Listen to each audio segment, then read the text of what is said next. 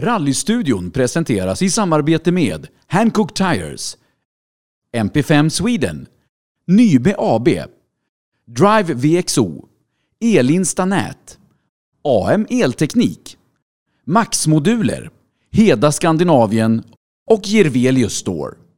Mina damer och herrar, hjärtligt välkomna ska ni vara till veckans avsnitt av Rallystudion by Hancock live här på Rally Lives Facebook-sida. Eh, vi ska återigen prata rally precis som vi alltid gör på måndagar, men den här gången kanske vi ska prata rally på ett lite annorlunda sätt än vad vi brukar göra. Eh, veckans gäst är ju ingen mindre än Annie Seal som många känner från ja, de senaste tio åren. Hon har kört midnattssolsrally och åkt kartläsning föreläsare med Lukas Helin i SM här senast eh, och, och tog en bronsmedalj i eh, grus-SM. Eh, men hon har ju då också kört väldigt mycket Dakar-rally och annat som motorcyklist. vunnit damklassen i Dakar, blivit världsmästare i damklassen i Rally Raid-VM, kört motorcykel upp för Mount Everest och mycket, mycket annat som vi ska få djupa ner oss lite under den här kvällen. Vill givetvis säga ett stort tack till våra sponsorer som fortsätter med och gör de här poddarna möjliga och vi fortsätter hela vägen fram till jul innan vi då går på lite välbehövlig jul och nyårsledighet. Så att vi, vi fortsätter eh, oavsett pandemi eller inte med den här typen av livepoddar. Eh, jag vill rikta ett stort tack till våran titelsponsor Hancock och även Jirveli Store, MP5 Sweden, Max-moduler, Nybe AB, Drive VXO, Elinstanät, AM Elteknik och Heda Skandinavien. Utan de här sponsorerna hade det aldrig varit möjligt att genomföra de här poddarna nu som vi gjort ja, i en bra bit över 60 veckor sedan pandemin drog igång. Eh, vi ska starta veckans avsnitt. Vi tar och kopplar upp Annie Seal och så kör vi alldeles strax.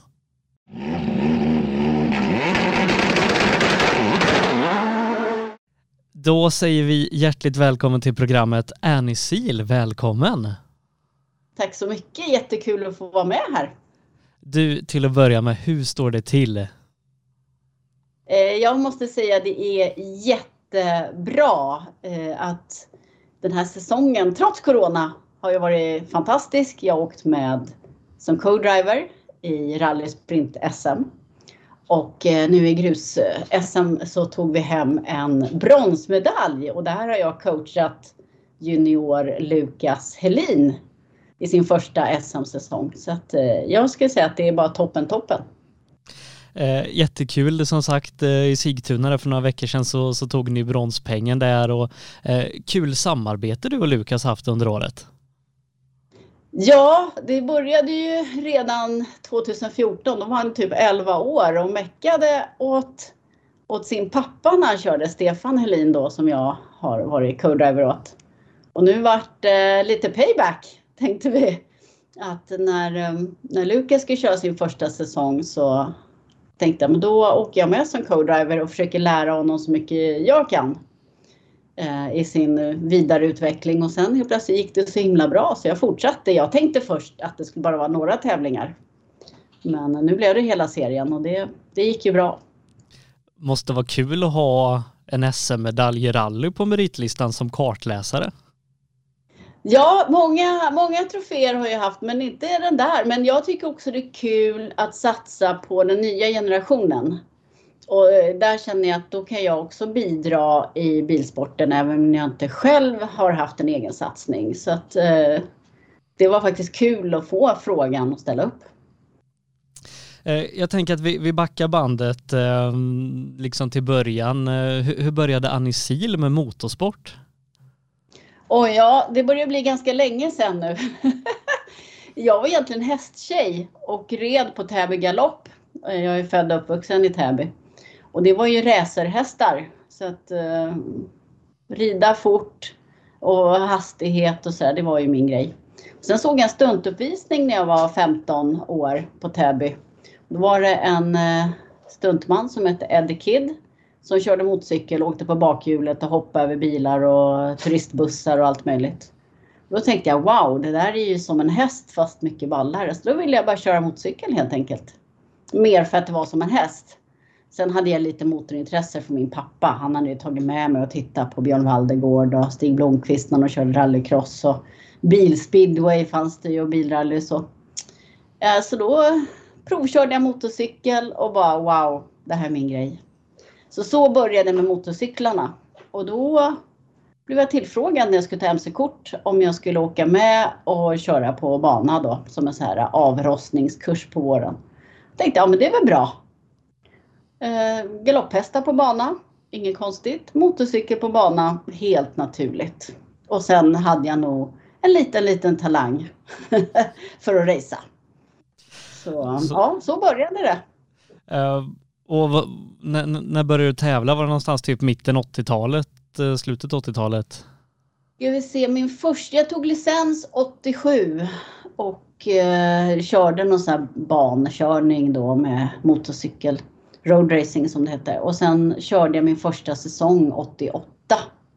Men innan det höll det på att kanske ta slut för att ett halvår efter jag hade köpt min motorcykel då fick min pappa en hjärtinfarkt och dog. Och han var ju den som var meckkunnig och skulle liksom, vi skulle ha det som vår grej och mecka och med motorcykeln och sådär. Men eh, då hade jag ingen pappa. Men eh, jag tänkte att jag ärvde ju hans verktygslåda och med galopphästarna var det så att ska man få rida på dem så måste man sköta om dem. Så då var det samma sak för mig. Jag måste lära mig att mecka så att jag kunde köra. Eh, och då tog jag det ansvaret själv helt enkelt. Och så har det varit hela min karriär. Jag har liksom aldrig haft den här stora supportteamen eller mekaniker utan jag har kört mitt eget race. Ehm, Eh, I princip hela tiden. Sen har man fått hjälp på vägen. Men eh, grundbulten har ju varit att jag meckar och servar själv. Mm. Så att, ja, det, det, är jag faktiskt stolt över. Att det verkligen, det har varit mitt intresse. Jag har tagit ansvar, jag har kämpat för, för hela min karriär från början till slut. Vi, vi vet ju att du, du på senare år har, ja, har gjort det mesta inom motorcykel, men, men framförallt kanske öken och, och, och rallybiten inom det. Men i vilken så att säga motordisciplin började du? Ja, det är ju motorcykel. Det är ja, roadracing. Ja, roadracing eller road ja. Då kör man ju på asfalt. Det är ju som banracing fast med motorcykel. Och sen mm. började jag köra lite enduro och motocross. Eh, sen eh, ja, offroad och även supermotard. Och nu för två år sedan fick jag prova speedway också med Varg-Olle. så det är bara dragracing som jag kanske inte har någon, liksom inte provat på på det sättet eller tävlat i. Men annars tycker jag har klämt av rätt många och även i, på bilsidan, så både banracing, eh, rally såklart, offroad och även folkrace. Så eh, ja, men jag gillar ju, jag tycker ju det är kul. Det är fortfarande kul att sladda och lära sig nya saker och utmana sig. Så, mm. Säg de första åren på 90-talet, vad, vad var det du tävlade i då? Ja, då var det roadracing. Då, är det, då, då körde jag det och då körde jag ju SM 1990 och tog en åttonde plats och då var jag enda tjejen som körde och det hade inte funnits nästan någon tjej. Det fanns en finsk tjej, hon körde VM. Det var liksom, det var ju målet att komma till VM. Sen hann väl jag krascha lite för mycket. så att det blev ingen VM. Jag var rankad för EM i alla fall. Så att, ja. Sen bytte jag spår och tänkte jag kör i skogen. ja, eh, för steget ändå mellan roadracing i Sverige och öken i, i Afrika och Sydamerika, det är ganska långt steg däremellan. Ja, och det fanns faktiskt inte på kartan heller. Jag hade inte trott att det skulle bli eh, Dakarrallyt för att jag var inte så himla bra i enduro.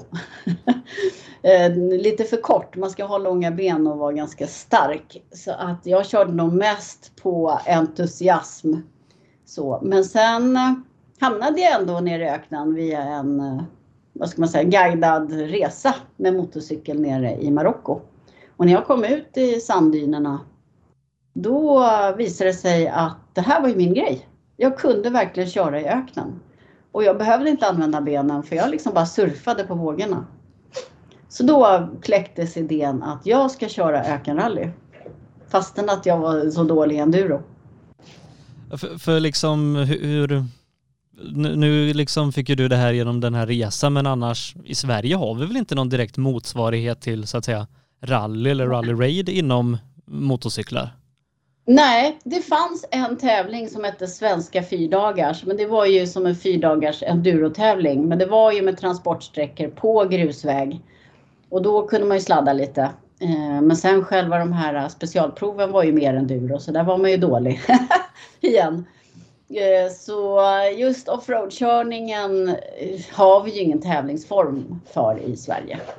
Utan det, det, det upptäckte jag i Marocko.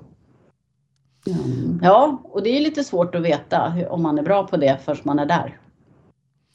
Men, men säg fram till, ehm, till år 2000 där, ehm, då hade du väl nästan i princip bara kört så att säga nationellt eller i Norden? Ja, precis. Jag hade kört eh, lite nordisk mästerskap och, och så, men ingenting, eh, inte tävlat utomlands eller någonting, utan det kom sen år 2000 just. Eh, och då var det efter den här semesterresan i Marocko så var jag helt eld och lågor när jag kom hem och då ringde jag till Olle Olsson som var den första svensken att köra Dakar på motorcykel just. Och sa det, nu fattar jag ju vad du snackar om att köra ökenrally. Uh, och det, jag ville racea nu, vad ska jag göra? Och då sa han att ja, om en vecka så går starten i, uh, i um, Desert Challenge i Dubai och Abu Dhabi. Uh, och vi ska ner, sa han. Så att um, det går att hänga på. Då köpte jag en hoj och skickade med hans team och en vecka senare stod jag på startlinjen. så då gick det fort. och jag kom i mål som bäste svensk Eh, med en bruten fotled också i och för sig. det är lite typiskt mig. Mm. Det är mer vilja än talang. Så. Mm. Hade du gjort någon av den här navigationen som man behöver göra liksom i ökenrally tidigare? Nej, äh, lite roadbook hade jag kört på den svenska fyrdagars men inte med så kompassriktning och, och så. Inte alls i den här. Inte att navigera utan vägar. Så nej, det var ju en steep learning curve och första dagen startade jag ju längst bak för jag hade lite svårt att hitta till startplatsen till och med. Men eh, sen löste det sig. Eh, det bästa med sanden är att man kan följa andra spår. Då hoppas man att det är rätt spår man följer men eh, kompassriktningen stämde. Och sen eh, körde jag upp mig från typ 100 till 49 plats så att då låg jag där mitt, mitt i smeten. Så att, ja, det var ganska lite vågat men samtidigt så kände jag Olle Olsson som hade teamet så att ehm, ja, det, det, är ändå lite, nu har man ju lärt sig att jag kan åka bara själv men då var det ändå lite skönt att det fanns någon som man kände som kunde det här och det är också det, ta rygg på dem som redan håller på. Inte prata med dem som inte har någon aning för de kommer bara punktera dina drömmar och, och um, satsningar. Mm. Föddes det något litet frö om att vilja satsa på det här efter att ha kört i Dubai? Ja, då bestämde jag mig. Dakarrallyt ska jag köra, men jag insåg att jag behövde ju förbereda mig. Så det var ett års förberedelse då. Och mycket är ju ekonomin också. Bara startavgiften då var ju över 100 000 kronor. Och det är bara cash. Mm. Eh, så att eh, det var det. Och sen eh, bygga en riktig ökenrallyhoj. På den tiden kunde du inte köpa färdiga hojar. Utan då var du tvungen att bygga från en endurohoj. Om du inte var fabriksförare och det var jag ju inte. Så, så då eh, byggde jag en eh, hoj där och ställde upp i Dakarrallyt som amatör och då hade jag ingen serviceteam eller någonting. Utan då körde man och servade själv. Ja, är, är, det, är det typ som det som idag, det heter väl typ Malle Motor eller något sånt där? Ja, precis. Nu har ju det blivit som en egen klass så. Men då var det ju, de flesta körde ju så. Det var ju väldigt få som hade serviceteam på motorcykelsidan utan då var ju över halva startfältet var ju sådana här amatörer då. Mm. Hur, hur, var det att komma till Dakar första gången? Då var det ju fortfarande i liksom Afrika innan, innan det började flytta. Ja, och, och där kan man ju säga att det som är skillnaden nu när tävlingen som den ser ut nu, då var det ju, då körde du i Afrika och det betyder att det var ingen större skillnad på specialsträck eller eh, transport. För det är afrikanska skitvägar helt enkelt hela tiden. För, eh, och, det du inte har packat med dig hemifrån, eh, det finns inte att uppbringa i Sahara. Nu för tiden när tävlingar flyttat till både Sydamerika och till Saudi, då är det ju mycket mer att specialsträckan är ju jävlig och jobbig men transportsträckorna är oftast fina vägar och du kan få tag i saker på någon bensinstation på vägen och sådär. Eh, men det fanns det inte i Afrika.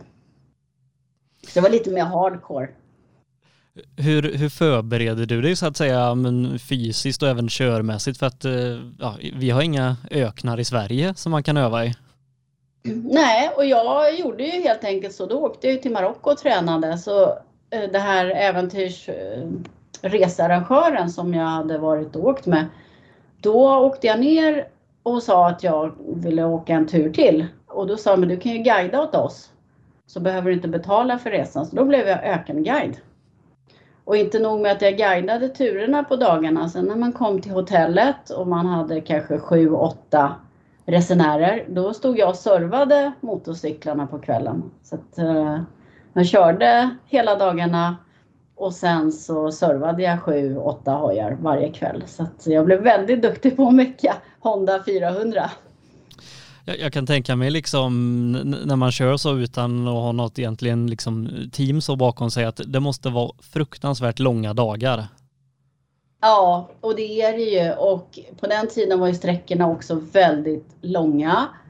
Eh, den längsta sträckan vi hade var 150 mil. Alltså det är hela Sverige.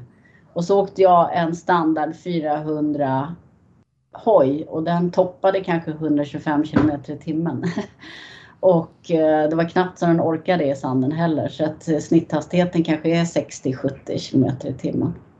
Så det är långa dagar och sen kommer du i mål på sträckan och då ska du serva hojen, få lite mat, hinna sova och sen upp klockan 4-5 på morgonen igen. Så att, det är tufft och det är verkligen så. De tre, fyra dagar pallar man men sen börjar det Sen börjar det kännas tungt.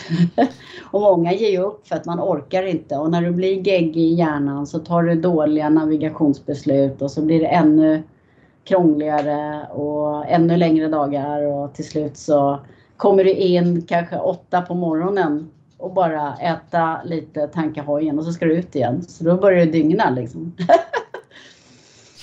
så, Men det måste ja, vara... Det, det är det tuffaste eh, rallyt jag har gjort. Mitt, mitt första Dakar-rally. Uh, men samtidigt är jag mest stolt över för att så dåligt genomfört och ändå komma i mål. kan man också vara stolt över. Du vann väl 400-klassen och blev trea bland damerna? Ja, precis faktiskt. Jag blev 400 i standard. Jag var den enda Honda 400 som kom i mål, eller 400 kubiken som kom i mål då. Så att, eh, och det var bara en tredjedel av de startande som kom i mål. Så 67 procent bröt. Och så var jag trea och då var det ju en tyska, Andrea Mayer, som körde fabriksförare för BMW motorcyklar. Hon vann ju och hon var ju min stora idol. Och så hade vi Jutta Kleinschmidt som körde bil redan hon började som motorcykelförare, så hon var ju också idol. Så där har jag ju mina kvinnliga idoler. Jag vet inte om, om det är liksom lite återkommande så, men visst var det så att du, du körde lite bruten det året också? Ja, jag kraschade ju dag fyra Eh, Eh, och eh, bröt eh, mellanhandsben i högerhanden och högerhanden är där man gasar och bromsar med. Så det, det, var lite svårt att köra. Men sen finns det gamla racingtricket att om det inte går att laga med silvertejp så är det trasigt och jag lagar det med silvertejp. Um, ehm, ja, så jag tejpade gashandtaget på motorcykeln och så körde vidare. Så kanske inte det bästa när man skulle svänga eller så, man behöver rulla av gasen lite men ja, ja. jag kom framåt. Men jag låg faktiskt grinande i tältet den natten när jag insåg att dels brutit högerhanden, det vågade jag inte säga till läkarna och sen hade jag en lårkaka över hela vänster skinka. Och den gjorde ju ont, alltså det bara bultade och den man körde och vibrerade och nej fy fasen alltså. Det var, det var inte kul. Det, det låter ju mycket tuffare nu när jag pratar om det. Men då kände jag mig rätt så, vad ska man säga, ja, både modstulen Och att vad fasen skulle jag göra det här för? Så jävla typiskt och orättvist att jag skulle krascha. Ja, mycket, mycket negativa tankar där. Men det var så himla dyrt. Alltså, jag har betalat 100 000 för att ställa upp i tävlingen. Jag måste fortsätta, annars har jag inte råd att köra. eh, året efter då, eh, du gör din Dakar-debut, du gör ju Dakar-debuten 2002, men 2003 så kör du upp för Mount Everest. Ja, eller i alla fall en, en ganska lång bit upp för Mount Everest. Eh, och det var ju lite så där. 2002 körde jag Dakarrallyt och något som inte kanske många vet om. Jag startade en hemsida där jag hade en newsfeed där jag hela tiden rapporterade om förberedelser och träning och nya sponsorer. Eh, och det här var ju alltså, det är över 20 år sedan. Så det var ju nästan banbrytande. Eh, jag bloggade innan ordet blogg fanns. Men den här hemsidan blev ganska känd. Så jag fick även inbjudan till eh, USA 2002 att köra Baja 1000 som är Amerikas största offroad-tävling. Och sen när jag gjort det då var det, ha vad ska jag hitta på nu? Och det var mycket med äventyrar och göra en kropp och Mount Everest och sådär hade varit och Ola Skinnamo.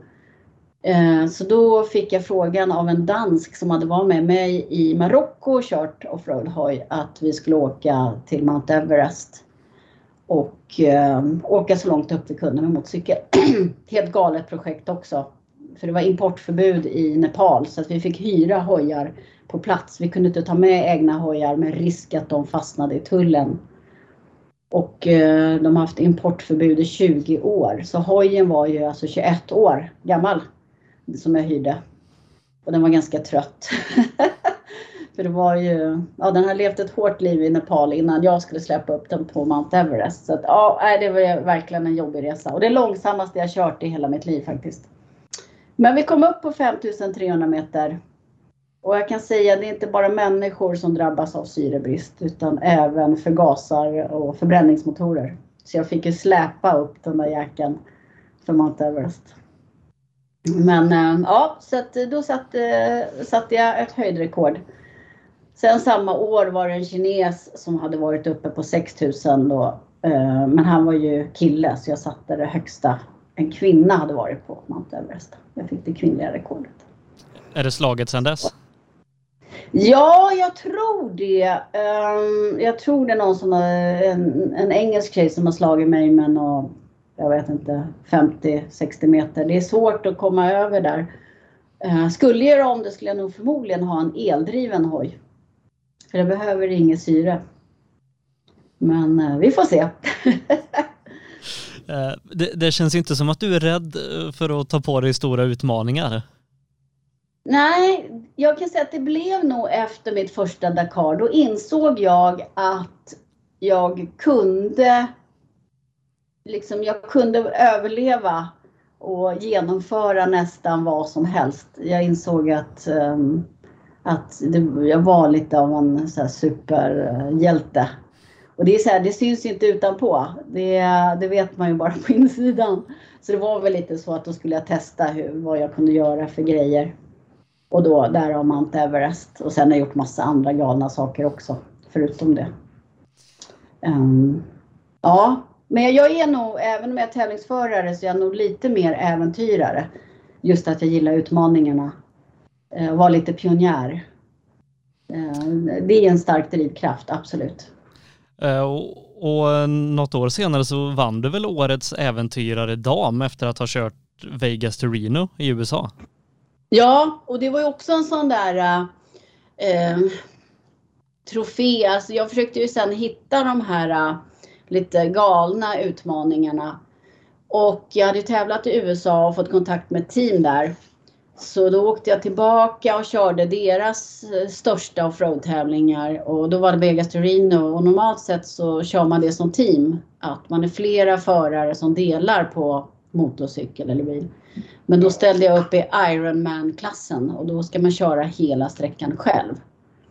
Och för jänkarna var det här jättestort att uh, man ska köra hela sträckan själv. Men jag bara, men hallå, jag har kört det här karrallyt. Jag har kört 150 mil i ett svep själv.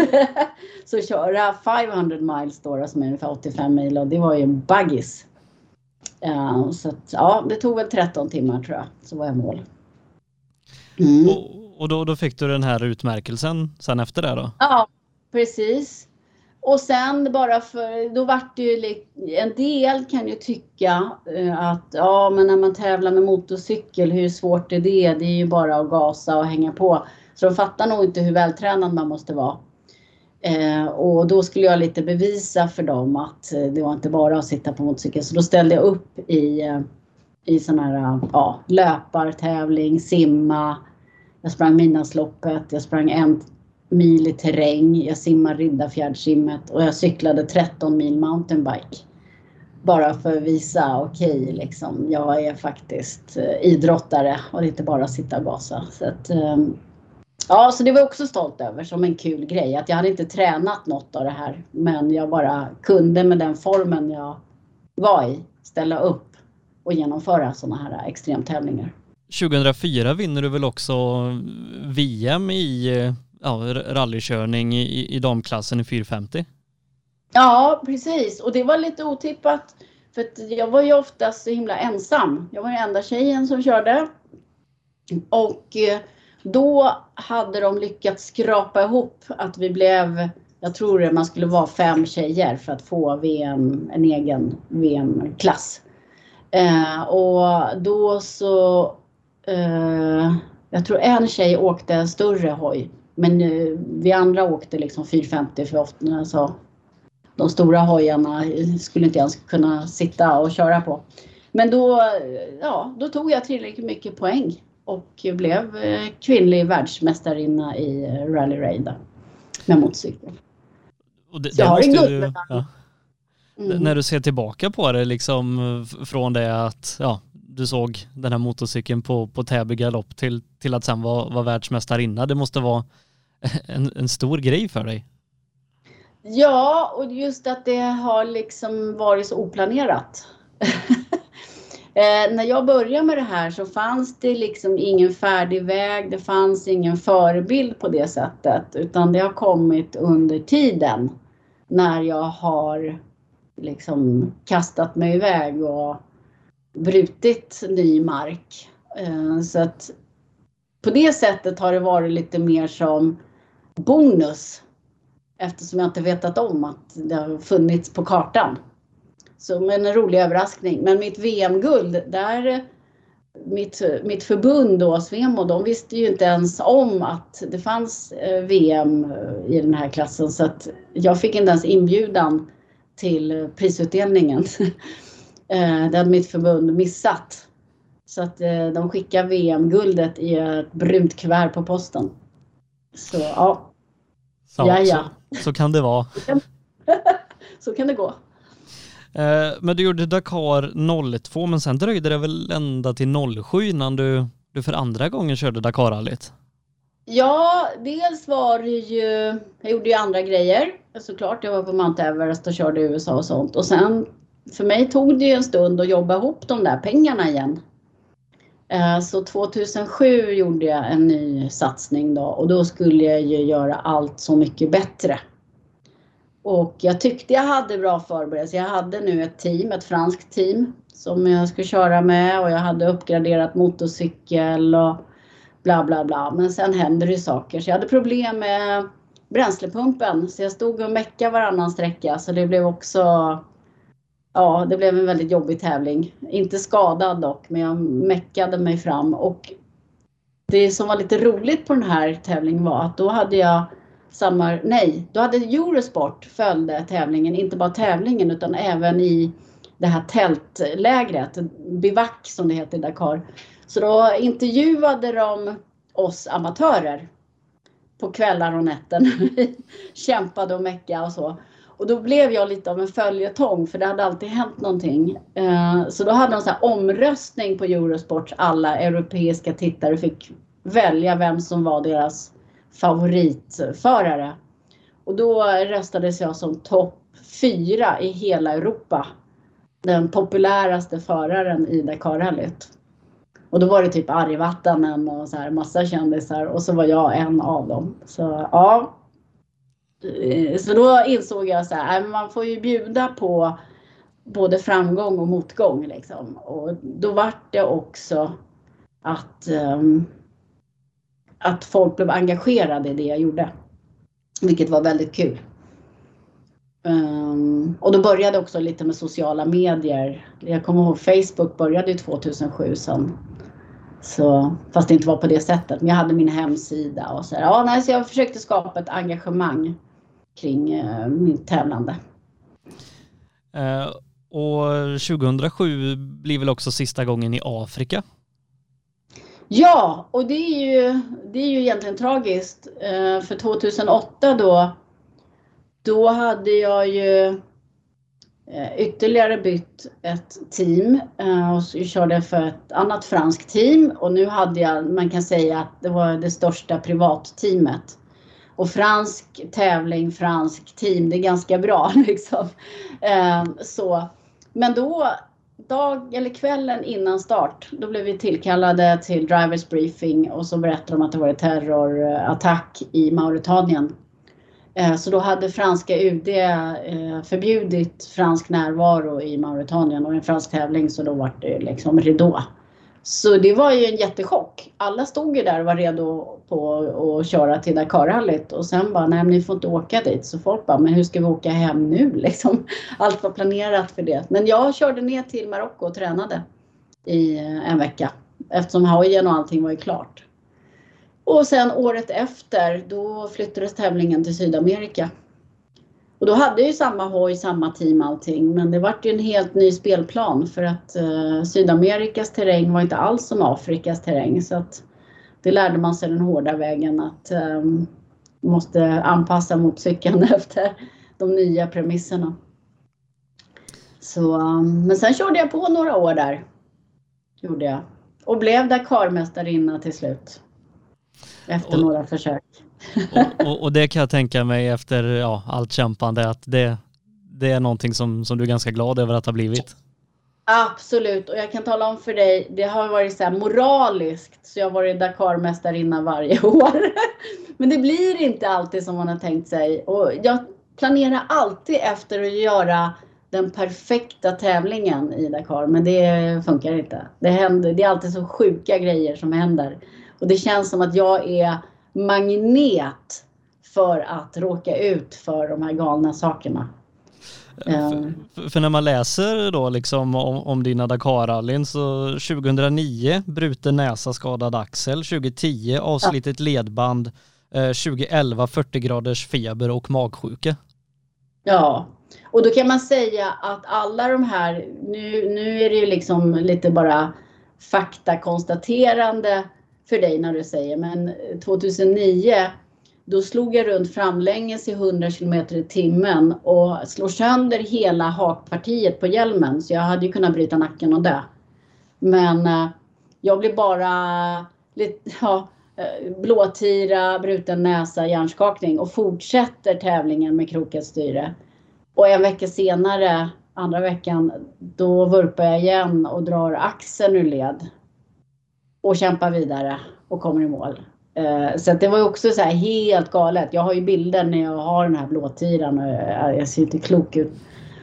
Och sen 2010, ja det sliter av ledbandet i tummen dag tre eller något sånt. Så jag kör 11, 11 dagar med en högertumme som bara sladdrar hit och dit. Och det är ganska svårt att hålla i gashandtaget då.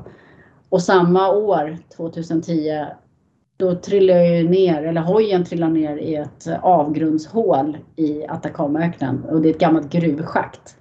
Så vi får lyfta den med helikopter så att jag kan fortsätta. Så det är, det är helt sinnessjuka grejer. Och 2011 då leder jag tävlingen i damklassen med flera timmar. Jag ligger topp 25 totalt. Det är liksom, det bara går så jäkla bra. Och sen blir jag magsjuk. Alltså, och jag bajsar på mig, jag kräks, jag är uttorkad, jag får 40 graders feber. Jag ligger med dropp i fyra timmar och sen ska jag upp på hojen igen. Jag ska fortsätta.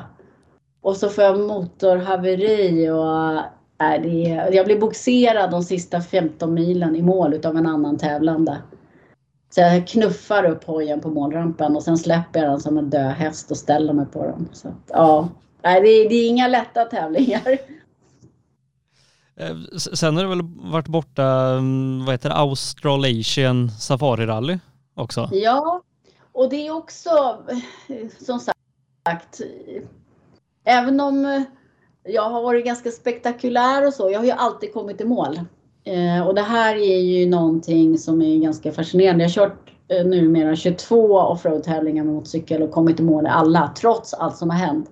Så jag blev ju ganska känd, eller ökänd för det här. Men då var det en australiensisk eh, ehm, teamchef och han körde ju också för Husaberg som bjöd ner mig att köra i Australien. Och det är också en fantastisk tävling men jag fattar inte hur fort de kör. Eh, för jag var ändå ganska, jag var ganska snabb. Jag är känd för att vara snabb. Men du vet, man blev ju omkörd både på innen och ytten där. Um, och den navigationen de hade var också lite annorlunda. För de hade inte det här med kompassriktning utan man fick hoppas att man var på rätt väg. Man kunde inte liksom jämföra ja, på rätt kurs. Men eh, jag lyckades, eh, första året kom jag 16 totalt bland ja, nästan 100 motorcyklar. Och sen eh, förbättrade jag det med en placering varje år. Jag körde där tre år. Och sista året var jag 14 totalt. Och då blev jag bästa internationella förare. Eh, så att, eh, det, sen var det bara hemmaförare framför mig. Och det var ju också en sån där stor fjäder i hatten för mig faktiskt. För samma år var regerande Dakarmästaren Cyril Despres med. Men han körde in i en grindstolpe och klämde foten. Annars hade det varit second best international driver. Så ja, nej, det har också varit fantastiska äventyr där nere. Mm. Men det blev också ditt sista år i MC va? 2011? Ja, och 2011 precis. Och det var ju det var egentligen inte så himla planerat men jag hade ju kört med min Dakar-hoj som föråkare i svenska midnattssolsrallyt, den här historiska rallytävlingen. Så då hade jag blivit inbjuden och körde som föråkare. Och för mig var det jätteroligt för att eh, dels få köra min ökenrallyhoj här hemma i Sverige för det fanns ju inga tävlingar, inget sätt för mig att visa upp den. Och så blev det ganska populärt och så tyckte jag det var en väldigt rolig tävling. Man lärde känna mycket liksom svenska rallyförare. Eh, så sen 2011 då fick jag frågan om jag ville köra en Porsche 911 Carrera för Team Tidö. David von Schinkel då som hade det här och då fick jag hoppa in och då hade jag ju Björn Waldegård, Stig Blomqvist, eh, Bryggan, Andersson och vem mer? Jag kommer inte ihåg. Men vi är i alla fall bara de här riktiga gamla legendarerna. De var mina teamkompisar i min första rallytävling. Sen kan jag säga att jag kanske mer åkte med Porschen. Det var inte så mycket att jag körde Porschen. Eh, utan jag åkte och tog mig runt så. Men då fick jag blodad tand för rallybil och speciellt de här historiska bilarna för att de är ju... Det finns ju inga hjälpsystem. Alltså det finns ingen servo eller någonting utan du måste verkligen kunna köra lite speciella växellådor där det liksom, ja, du måste ha mycket motorkänsla för att få det där att funka. Eh, så att då bytte jag helt enkelt till att det är rally jag ska köra nu. Um, så uh, då vart Och mi Midnattssolsrallyt har du väl kört sedan dess va? Ja, eh, nu Alla har det varit nästan. några uppehåll men eh, jag blev helt, ja den tävlingen, det är Sveriges finaste rallytävling och året efter så köpte jag min Toyota Starlet, min Killer Starlet. Och eh, den har jag kvar fortfarande. Och med den så har vi åkt många midnattssolsrally och även EM i Historic Rally då. Eh, så jag har varit i Estland och kört och Finland och så lärde jag känna Stefan Helin genom eh, Historic Rally. Så att ja. Eh, men jag längtar ju efter att köra min Stalet igen. Nu har vi renoverat motor på den så nästa år ska den nog komma ut och luftas igen. Mm. Men, men eh, någonstans måste det väl föds en tanke på att ta sig tillbaka till Dakar fast med fyra hjul? Ja, eh, det gjorde det faktiskt 2011 då när det här svenska projektet Pevano och det var eh, Pelle Valentin eh, som hade ett projekt att bygga en svensk Dakarbil med samarbete med Volvo. Sen fick han tyvärr cancer och bilen hann inte bli färdig. Eh, men eftersom jag kände Pelle och Olle Olsson som var med som kartläsare så fick jag frågan att när bilen var klar så fick jag komma och provköra den och eh, då var planen att jag skulle köra den i Dakarrallyt. Men jag var ju så färsk i rally, det här är 2011. Så då eh, sa de att det var en sydafrikansk förare, Alfie Cox, som jag också känt sedan gammalt för han körde motorcykel. Han skulle köra första året och skulle bygga en systerbil. Så att eh, året efter, 2000, det var 2012 de ställde upp, 2013 skulle jag ha kört systerbilen då. Men tyvärr så var det redan sträcka 1 i Dakar 2012 så brinner den här Pevano-bilen upp och det var verkligen, det är så tragiskt. För det var ju Pelles livsdröm att den skulle köra Dakar. Och då kände jag så här, äh, då kommer inte, jag kommer aldrig ha råd att köra en bil i Dakarrallyt. Så då vart det lite Dakar-uppehåll några år. Eh, men sen blev jag inbjuden som, som kartläsare i det här australiensiska teamet igen. När han teamchefen skulle köra Dakarrallyt. Eh, så då hängde jag med som kartläsare och då fick jag kontakt med ett engelskt team eh, som heter Rally Raid UK som jag känner sedan gammalt också. Och då behövde teamchefen en kartläsare. Så då åkte jag dit på testerna men då visade det sig att jag var så bra på att köra så jag fick en styrning istället för att vara kartläsare. Så sen körde jag två Dakarrallyn med bil. Um, ja, så så är det. Så är det. Hur var det att eh, komma tillbaka fast i förarstolen och ha en kartläsare? Ja, Eh, det är, och det är det som har varit lite kul eftersom jag alltid har kört mina egna race. Så för mig var det ganska stort steg att bli del av ett team. Och jag trodde inte, jag trodde mer att jag var en ensam varg. Men när jag hamnade i den här situationen så visade det sig att det funkade väldigt bra eh, att jag även tyckte det var kul att vara i team. Eh, och fick liksom, fick med mig folk att tro på det här. och det är ju lite roligt nu när jag även kört Midnattssolsrallyt att jag har ju bjudit med mig lite udda kartläsare kan man ju säga. Konstnärinnor och lite sådana personligheter och då kan ju en del tycka att men hur kan du ta med dig någon som inte kan sporten? Men jag har ju så mycket koll själv så det har ju också varit ett sätt att sprida min passion för motorsport. Och, och, och sprida den utanför våra egna gränser om man säger så. Så, att, så det har varit jättekul och det märker jag nu när jag har också um, coachat ungdomar och sånt att jag tycker faktiskt det är roligt. Det trodde jag inte. Eh, det kanske jag inte tyckte när jag var 20 men nu när jag är över 50 så tycker jag det är roligt. Mm. Eh, du har ju åkt kartläsare då mycket med, med Lukas som vi nämnde i början. Eh, Stefan Elin har åkt med en hel del också. Johan Eriksson tror jag var med i Finland. Eh, hur har det varit att liksom åka, åka den typen av rally som, som du gjort de här ja, senaste tio åren som kartläsare?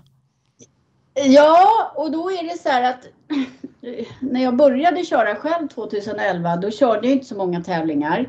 Då hade jag turen att ha Maria Andersson som hade åkt med Patrik Flodin i VM. Hon var ju min första kartläsare i, ehm, i Midnattssolsrallyt och det gick ju väldigt fort att lära sig allt det där för det var på morgonen gjorde jag kartläsarkursen för att förstå noter och sen på eftermiddagen besiktigade vi in och sen var det tävling. Så att då kan man säga att det var ju helt nytt. Men just den här magin när man förstår hur noter funkar, att man börjar se med öronen, att det man hör från öronen fortplantas till en bild i hjärnan av hur vägen ser ut, då blir det magiskt. Sen eh, körde jag ju kanske bara någon eller två tävlingar per år så att jag är inte så rutinerad på var noter och sådär. Och sen fick jag frågan att åka med Stefan Helin i Estland då i Historic EM 2014. Och då skulle vi reka och skriva egna noter. Och det hade jag ju aldrig gjort. Så jag sa verkligen till Stefan att ja, men du får ju skylla dig själv om, om du tar mig som kartläsare. För jag har ju knappt kört rally själv. Och jag har inte skrivit noter eh, sådär. Eh, sen fick vi ju lite hjälp på vägen men ändå det var väldigt eh, vågat av honom tycker jag. men jag har ju med mig så mycket från motorcykelåkningen hur jag ser vägen och jag har kört mycket blind, alltså hela Dakarrallyt är ju blind.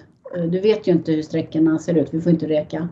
Så att jag är ju väldigt bra på att sätta linjer så det började vi införa i notskrivningen och där tror jag att jag bidragit väldigt mycket till Stefan Helin med hur man ser vägen och hur man planerar körningen när man skriver noter själv.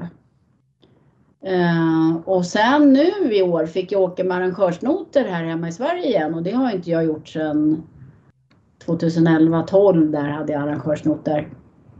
Uh, och då inser man ju att det är den notskrivaren kanske ser vägen helt annorlunda än hur jag ser vägen. Så eh, det har varit lite intressant med Lukas liksom när vi eh, försöker komma på hur vi ska sätta linjen in i kurvorna och sådär. Eh, och jag, jag mm, tror min styrka som kartläsare är att jag försöker se hur man ska köra, hur man sätter linjen och sådär. Och inte bara att jag ska läsa i rätt takt utan även utveckla körningen och så. Mm. Så ja, på det sättet tycker jag att jag kan bidra. Eh, vi, vi har ju pratat lite om eh, ja, skador och så eh, tidigare här under intervjun. Jag, jag, har inte gjort många intervjuer med människor som har en skadelista på sin Wikipedia. vet du hur många gånger du har skadat dig inom motorsporten? Ja, nu är det inte bara motorsporten tack och lov, men jag har ju samlat ihop under årens lopp någonstans, eh, jag tror det är 25 frakturer och blåmärken och ledband och sånt är nog knappt med där. Men räknar man in sånt så är det över 30, ja då är det nog 40 blåmärken är ju, men jag har ju ganska stora blåmärken då om det ska kvala in på meritlistan. Men ja, jag har slagit med mycket Eh, och då kan man ju säga, är man talanglös eller har man bara otur? Ja. eh, och lite så är det väl kanske att eh, jag har ju satsat och när, speciellt när jag körde motorcykel då var det killarna eh, som man försökte hänga på, det var ju bara gasa mer, bromsa senare. Eh, så att det här med körteknik var inte så jag tror det har blivit mer proffsigt nu, att man lär ut mer teknik. Att inte bara gasa så, utan när jag började var det bara gasa mer, bromsa senare. Eh, och där tror jag jag blivit bättre nu faktiskt. Eh, hoppas i alla fall. så. Men eh, visst, men sen har jag gjort andra galna grejer också. När jag var liten, jag hoppade från gunga och bröt armen. Jag klättrade längst upp i ett träd och ramlade ner och bröt armbågar och sådär. Så att, ja, det är inte bara motorsport. Uh, så att, ja, nej. Är, det någon gång, eh, är det någon gång som du har tänkt att du kanske ska sluta med det här du håller på med på grund av skaderisk? Jo men det är det jag har gjort flera gånger. Jag har ju bytt, jag har slutat från roadracing och börjat köra enduro för jag tänkte det går lite långsammare. Uh, så där kan man nog inte slå sig så mycket. Och så ramlade jag och slog mig och kraschade och slog mig. Eh, så att absolut. Och sen skulle jag börja cykla mountainbike för jag tänkte det är väl kanske lite safer. Och då slog jag upp hela ansiktet så jag fick eh, sy med 40 stygn. Så att eh, jo, det har jag gjort. Och jag kan säga att min kropp är så trött på mig när jag hittar på nya dumma saker. Eh, och samma sak när jag var trasig i axeln. Då skulle jag Eh, Eh, stå på händer eller gå på händer eh, i en, ja, en intern tävling och då lossnade ju alla ledband i axeln istället. Så, att, eh, ja, så, så har ju hänt. Ehm, helt klart. Men jag tycker ju, jag tycker inte jag är helt galen. Men det brukar man inte tycka. När man, när man inte själv tycker det, då är det så att alla andra, om det kanske är för att du inte fattar hur galen du är. Lite så. Ja. Men totalt sett så tycker jag att jag försöker att inte ta för stora risker. Så. All, all racing är ju riskmanagement, så är det ju. Uh, och jag, jag kanske lite mer högriskfaktor. Mm. vad, vad händer framöver nu då? SM-medalj som kartläsare och en Stalet som står och väntar med ny motor. Ja, vad, vad, vad vill du ta dig an framöver? Ja, vi kan säga så att diskussioner pågår ju nu med Helins Motorsport om nästa år. Eh, och då är det att köra hela, alltså stora SM om man säger så. Eh, så det vill de ju väldigt gärna. Sen har jag tänkt köra lite själv. Det som står närmast på programmet eh, är att köra Baja 1000 i Mexiko om två eller tre veckor i en bubbla. Det är en sån här klassisk Baja-bubbla. Och då vet du, det finns inga framrutor eller rutor, det är bara nät och sen är de uppjackade så det ser ut som en uh, bubbla på steroider. Så sån ska jag köra om några veckor. Sen finns det kanske, vi får se. Uh, jag har fått en fråga men nu vet jag inte riktigt hur det blir. Men det, det kanske blir något ökenrally också. Vi får se. Vi får se. Nu när efter Corona ja. så kanske det börjar komma igång igen. Men vet, man är ju inte 50 längre liksom. Det är ju lite det. Man är inte ung och lovande på det sättet. Så att eh, jag får vara glad för de tävlingarna jag kör nu. Mm. Extreme E hade ju varit väldigt roligt att få prova på. Faktiskt. Ja, vi, vi får väl se vad, vad, vad framtiden har utvisat. Du, du ska inte lura över Lukas till, till ökenkörning då? Ja, jag har faktiskt pratat med Stefan om det lite grann. Så eh, det, det, kanske, det kanske blir något sånt skojrace. Vi får se. Det, det är ju inte det att man har råd att göra en riktig satsning för det här är ju så stora pengar nu. Ehm, för 20 år sedan kunde man köra som amatör, det går knappt längre. Jag har ju diskussioner med mitt gamla team Rally Red UK och de säger också det att amatörklasserna håller på att försvinna helt och hållet. Utan nu måste du vara superrik och hyra in dig hos ett eh, privatteam. Liksom. Mm. Det är lite tråkigt. Att det är så mycket pengar. Mm. Ja, nej, men så är det ju tyvärr i den mesta motorsporten nu för tiden, men vi får väl se. Eh, avslutningsvis Annie så har jag tre frågor som jag ställer till, till alla som är med. Eh, den första av dem är, vilken prestation i din karriär är du stoltast över? Ja, det är ju Dakar 2002, mitt första Dakar-rally. Att jag överlevde och kom i mål trots allt, trots allt som hände så är det det jag är mest stolt över att jag genomförde. Och du har ju fått resa då över världen och, och, tävla i de här olika disciplinerna som, som, du, eh, som du kört i. Och vilken är den häftigaste plats i världen du fått besöka tack vare motorsporten? Eh, Sydamerika, jag bara älskar Sydamerika och du har ju alla sorters terräng i den tävlingen. Så det är liksom en, ja, du har ju Aconcagua, alltså uppe i bergen, Anderna, du har längs, eh, längs stranden i Peru och så här. Ja, så det är fantastiskt. Eh, samtidigt som Australien och sen såklart alltså Sahara. Det är helt ändlöst med de stora, också stora katedralsanddyner. Men så har jag varit i Egypten och raceat runt pyramiden. Alltså du vet, jag har varit på så galna ställen. Och Mount Everest, som i och för sig, det var ingen tävling, men att vara på Mount Everest, det är sådär, man känner att man är lite närmare Gud. Om jag säger så. Mm. Så att, vad ska jag eh, säga? Uh, och, ja, det är ju, visst, ja. öken. Alltså öken som samling. Sådär, det är det bästa jag vet. Mm.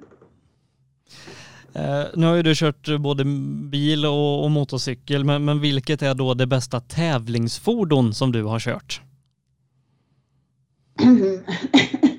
ja, eh, nu kommer jag säkert svära i kyrkan, men alltså motorcykel är ju min röda Dakar-hoj.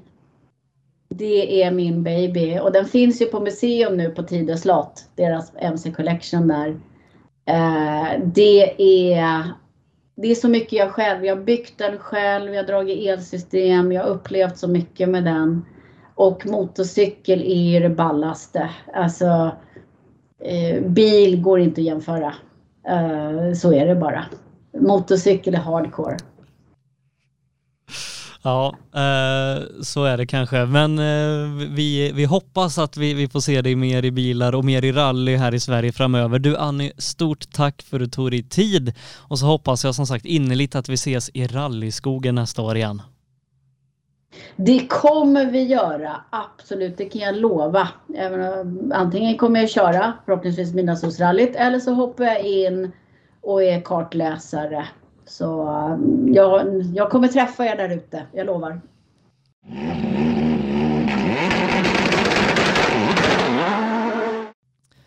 Återigen ett riktigt stort tack till Annie som var med och pratade om sin fantastiska karriär och alla eh, äventyr och upptåg som hon gjort och inte minst på motorcykel men även då senare år som rallyförare och kartläsare i bil och hon tog ju då en bronsmedalj i grus-SM här bara för några veckor sedan tillsammans med Lukas Helin.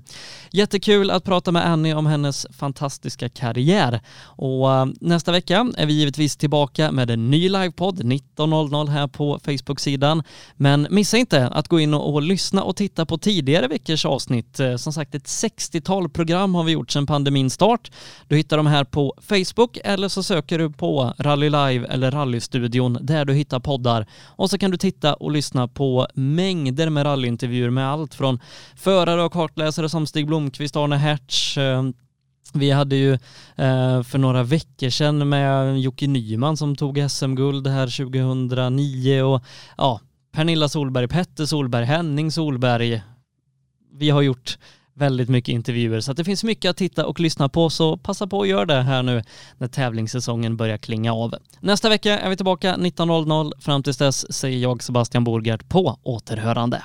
Rallystudion presenteras i samarbete med Hancock Tires MP5 Sweden, Nybe AB, Drive VXO, Elinsta Nät, AM Elteknik, Max Moduler, Heda Skandinavien och Gervelius Store.